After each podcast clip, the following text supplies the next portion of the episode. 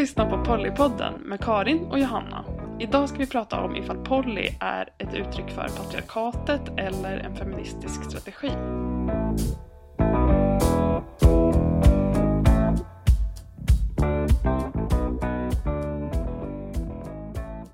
Idag så ska vi prata om eh, könsmaktsordning. Vi kommer prata i korus under hela podden. fått höra kritik om att vi bara sitter och håller med varandra. eh, vi tänker i protest mot den kritiken. Säga samma saker och fortsätta varandras meningar. under hela den här podden. Välkomna hit. Nej men eh, under den här podden, eller i den här podden så ska vi prata om eh, hur könsmaktsordningen förhåller sig till monogami och icke-monogami. Hur de interagerar. Ja, jag tänker att det finns ett väldigt spänningsfält här. Där Mm. man å ena sidan ser icke-monogami som något jättepatriarkalt. De här männen som gifter sig med massa kvinnor och Ja, utövar makten, den här patriarken över familjen. Den bilden å ena sidan. ja men precis, som också har en, en rasistisk prägel Ja, precis. många gånger. Och sen å andra sidan har man det här äh, 70-tals flower power, fri kärlek, eh, kvinnors frigörelse, fri sex. Men jag stöter nog ändå mest på den här patriarkala synen på icke-monogami. Okej, jag tänkte Alltså- precis säga tvärtom. Okej. I- Säger vi emot varandra? Oh no! Nej men vadå, alltså äh, att du tycker, stöter på den här patriarkala? Ja, alltså inte bland de som är icke-monogama. Men i allmänhetens syn Mm. så är det den man har sett på Big Love på tv och Ja, eller diskuterat Centerns eh, eh, gamla, eller det här förslaget som kom upp inom Centern. Vi förbjuder månggifte, tar ställning för kvinnornas rätt att ha en man. ja. Typ. Jo, Det men finns okej. väldigt många feministiska argument när man argumenterade mot Centerns förslag om månggifte. Ja men absolut, så var det ju. Feministiska och rasistiska argument. Ja, precis. Men det kanske var, jag tänker bara vad jag stöter på för liksom, fördomar personligen. Mm. Det kanske beror på vem jag är och Mm. hur jag ser ut. Att känna, eller jag blir inknuffad i den där, jaha men okej, hon är någon så här tillsammans-stereotyp. Mm. Som sysslar med flower power och sopsorterar och... Mm. Och att det kopplas till att det är en feministisk grej som du gör då, eller? Fast fortfarande liksom nedsättande. Mm. Att, så här, att det finns liksom en föreställning om att okej, hon vill frigöra sig. Fast hon frigör sig ju inte egentligen. Eller hon har bara problem med att anknyta. och, ja, eller Mm. förstår du vad jag menar? Mm. Det är inte så många som, som jag har mött som tror att jag vill ha en massa systerfruar liksom. Eller, Nej. Att du passar bättre in i flower power Alltså- än mm. exakt. vad man än gör, monogami eller icke-monogami, Mm. så gör man det inom en könsmaktsordning.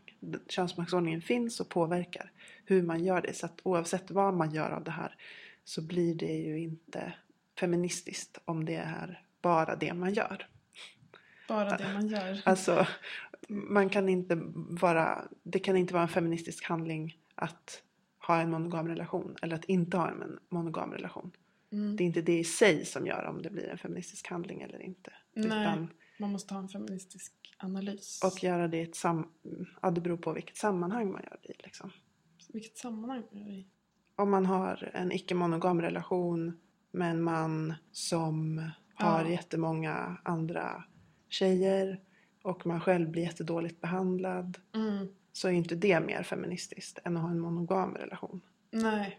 Men att ha en monogam relation med en man som, beter, alltså som, som är kontrollerande och liksom, Nej. då är inte det feministiskt heller att ha en monogam relation. Nej. Så att det beror ju på vilket sammanhang, hur sammanhanget ser ut kring relationen. Om den, om den tar en, flyttar fram positionerna i patriarkatet. ah, okej. Men då förstår jag vad du menar.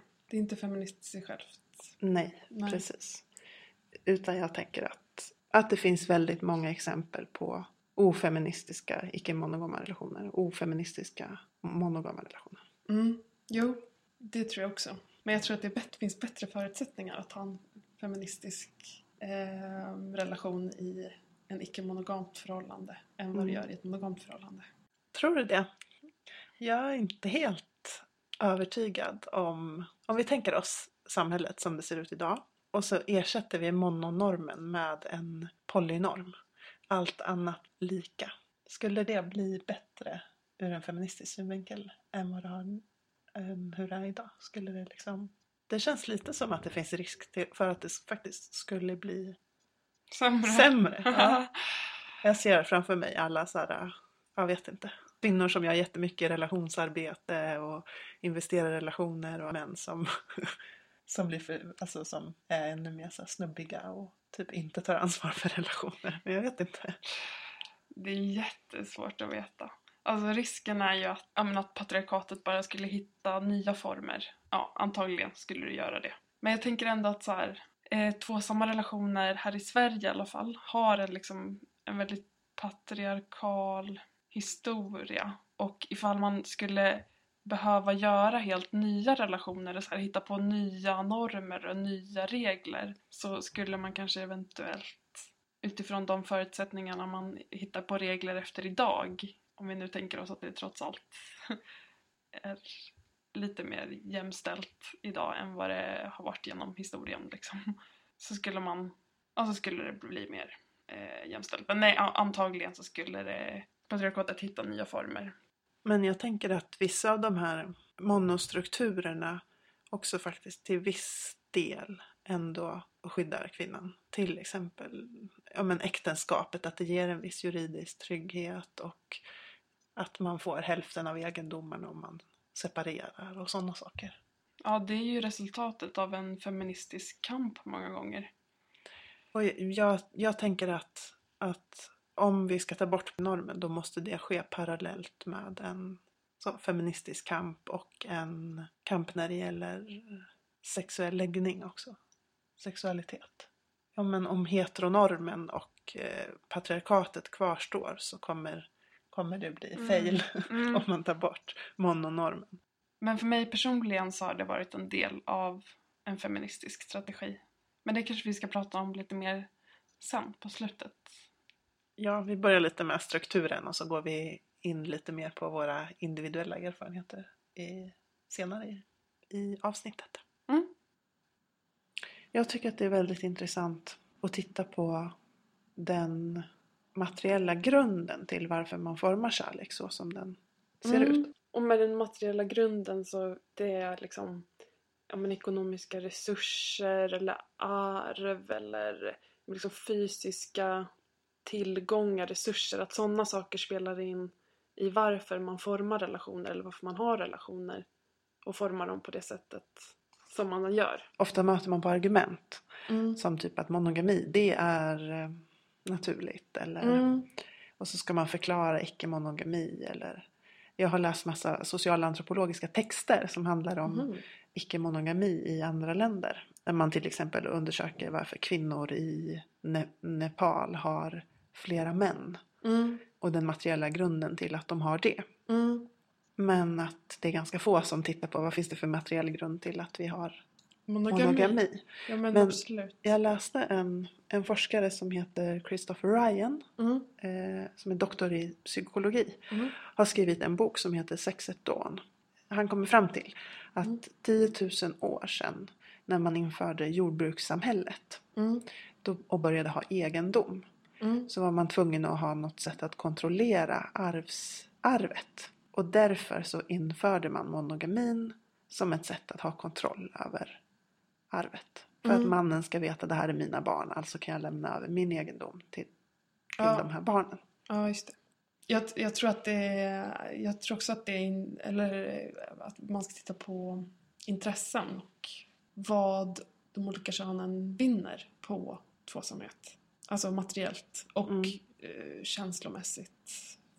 För där tänker jag att det också finns en, en myt om att, att mannen förlorar väldigt mycket på äktenskapet. Alltså mannen vill ha många partners och ligga runt och eh, har en stor sexdrift. Och, mm. ja, Medan kvinnan hon har behov av mer närhet och så ja men det finns sådana t-shirtar när männen har så här att married game over och kvinnan har lyckats om hon har gift sig liksom. All single ladies. Mm. All the single ladies. Det är den här eh, I'm not that kind of girl. Om du vill ha mig för att sätta en ring på fingret och göra rätt för dig och, eller Mm. göra rätt för Mm. mig. Mm. Jo men och det har ju, alltså, det har ju varit så. Alltså en kvinna som inte var gift fick det jävligt tufft liksom. Samtidigt, om vi Mm. tittar på tvåsamhet nu, så kan man ju se att, att kärnfamiljen eller tvåsamheten blir som en arena för Mm. patriarkalt och patriarkalt våld. Och, eh, Absolut. Och det var det ju förr också. Det var ju för jävligt att vara i ett förhållande eller i ett Ja. äktenskap förr. Men det var liksom kanske eventuellt ännu jävligare att vara ensamstående. Om man Ja. inte var änka, då var man Ja. tydligen eh, myndig. Ja. Men eh, okej, sidospår. Eh, jag var och lyssnade på någon paneldebatt om mäns våld mot kvinnor. Mm.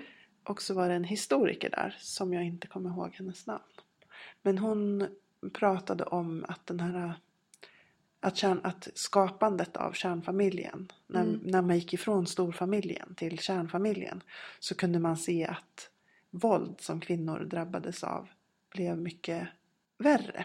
Alltså, Okej. Mm. det kanske var mer allmänt vedertaget att, att män fick slå kvinnor inom storfamiljen. Mm. Men samtidigt när, när det fanns en stor familj. Ja. Det som är en, en, en väldigt viktig kontroll, alltså mannens utövande av kontroll gentemot kvinnan. Genom att här, skära av hennes kontaktytor med omvärlden och bli Mm. helt isolerad med mannen. Mm. Det är ju den här det heter- Normalisering. ja, normaliseringsprocessen. Ja. Att den processen kanske inte kunde ske riktigt på samma sätt i en stor familj. Nej. För att man kunde inte skära bort hela omvärlden. Ja men precis att det både fanns liksom en social kontroll, att, så här, att kvinnan kan jämföra sig eller så här, jämföra sig själv i sitt förhållande med andra kvinnor. Men också att så här, det kanske fanns liksom, social kontroll på mannen. Liksom, att, så här, ja, men att det vad heter det, kunde finnas en förälder i hushållet eller jag vet inte andra så här, som liksom, så här, utövade någon typ av liksom, positiv social Mm. kontroll. Att så här, Mm. nej men vänta, går inte det här överstyr eller liksom. Det tänker jag är en väldigt fem, viktig feministisk strategi idag också. Att man så här, får träffas i så här, alltså mammagrupper och sånt där. Vi pratade ju med någon, eller med en bekant som har barn. Men så här att man liksom jämförde vad, vad man gjorde för hemarbete och kanske inte så här liksom uttalat men att man så här ändå Jaha, hämtar din man på dagis? Mm. Eh, ja men då, det gör ju inte min man och börjar ifrågasätta det här liksom eller sådär. Men tänker du att Polly är en feministisk handling för dig? Eh, Det var ju inte främst av feministiska skäl som jag blev poly. Nej. Utan det var mera, jag är ganska principlöst i mitt polyskap. Det är mer så här, oj måste jag, jag kan inte med det här med att jag måste lämna någon som jag älskar. Jag kan liksom inte gå med på den premissen. Nej. Utan Okej. jag vill kunna ha relationer med alla som jag älskar. Det är väl det som är grunden. Mm. Men sen har jag ju tänkt jättemycket på hur jag kan göra det på ett feministiskt sätt. Mm. Det kan vara feministiskt att inte vara beroende av bara en person till exempel. Mm. På det sättet. Som jag tänker att jag skulle kunna bli i en monogam relation. Mm. Eftersom jag strävar efter så mycket närhet och så mycket vi-känsla i relationen och så. Du strävar efter det. I relationer, i, Ja. i nära relationer. Och då, det utvecklas oftast i de relationerna som är kärleksrelationer. Och det motverkas liksom av om man har Ja, flera relationer. Mm. Ja men absolut. Det tror jag också. Ja. Eh, Eh, Hur ser du på ditt RA, relationsanarkismskap och femini, Ja. som en feministisk handling? Ja men det var väl också kanske eh, dels det att det kändes onaturligt att eh, bara älska en. För jag älskade ju uppenbarligen flera. Jag tänker att det också handlade om en oförmåga att liksom kunna leva tvåsamt och heterosexuellt. Och att den var kopplad väldigt mycket till patriarkatet. Alltså den oförmågan. Eller att, att jag så här inte Oviljan. Ja men precis, och viljan. Att när jag gick in i en tvåsam relation, och speciellt då med män liksom, men även med kvinnor, så gick jag in i en, en roll och började spela kvinna. Och den vill, jag- vill jag ju inte ta, den rollen, för jag insåg att den var destruktiv. jag liksom, okej, det här, nu är vi ett par, ett par. Det här är kvinnans roll i ett parförhållande. Den ska jag ta. Och så har jag så här känt otillräcklighet när jag inte kunnat ta den. Och så här, ja. Även fast jag har varit medveten om att, eller jag har ju haft ett feministiskt medvetande när jag haft de här relationerna, så har jag ändå liksom känt att jag har gått in i den här rollen och det blir så här dubbelbestraffning liksom att går jag inte in i rollen så känner jag mig otillräcklig, går jag in i rollen så inser jag att oh, men det här, jag vill ju inte liksom, leva så här. Eh, det ger mig en massa negativa, negativa konsekvenser att göra massa omsorgsarbete eller ja, i en relation till exempel. Så jag både har förväntningar på mig själv men också så att jag har fått en massa förväntningar utifrån parnormen liksom. Men det har inte varit monogama relationer? Eh, nej, det har inte Nej. varit. Eh, det har inte varit så jätteideologiska polyförhållanden heller men ja, det har varit någon typ av polyrelation. Ja, det var ju precis i början av mitt polyskap. Mm. så det fungerade dåligt. Och, så, och det liksom funkar så eh, tyckte jag även när jag hade lesbiska relationer så var det fortfarande den här parnormen eh, som jag kände mig otillräcklig i. Jag gick fortfarande in i en roll att spela kvinnan i förhållandet. Och ja, men att vi spelade det, patriar eh, det patriarkala heterosexuella paret i de här relationerna också. Alltså, det var liksom inte... Att det blev ändå ett liksom återkommande problem i många sammanhang, mm. tyckte jag. Och jag mådde inte bra i det. Så min strategi för att liksom lösa det var att... För jag kände hela tiden otillräcklighet att liksom att jag inte kunde vara det här. Så min strategi för att lösa det var att vad heter, försöka börja se på relationer på ett annat sätt helt enkelt. Och det var väl då jag tyckte att det här med relationsanarki Eh, var, kändes som en lämpligt. Att börja se relationer som att liksom definiera den här relationen utifrån, ja men vad är vårt behov i den här relationen?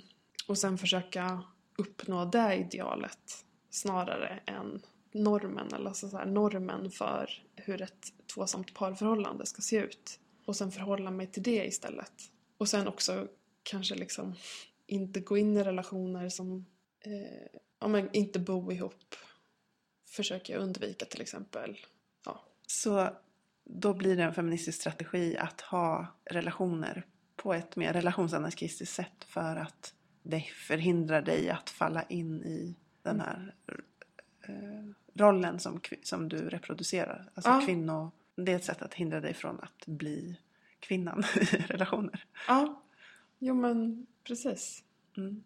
Jag tänker att, att, vi är, att vi är ganska olika i hur, alltså hur vi sätter vår självständighet mm. i fokus. Eller liksom, att du behöver mer, mer självständighet och mera egen tid. Och liksom, mm. eh, Medans jag kanske mer definierar mig i, i relationer eller liksom mm. att, att inte definiera mig, ja men att jag ser mig mer som en del av relationer. Mm. Det lät kanske jättekonstigt. Eller att men... du i alla fall har lättare för, alltså du behöver kanske inte samma försvarsmekanismer för att behålla din självständighet som jag behöver, tänker ja. jag. Eller? Ja. Lite. ja, men så kan det vara. Att jag sätter mer gränser kring mina behov. Jag tror det.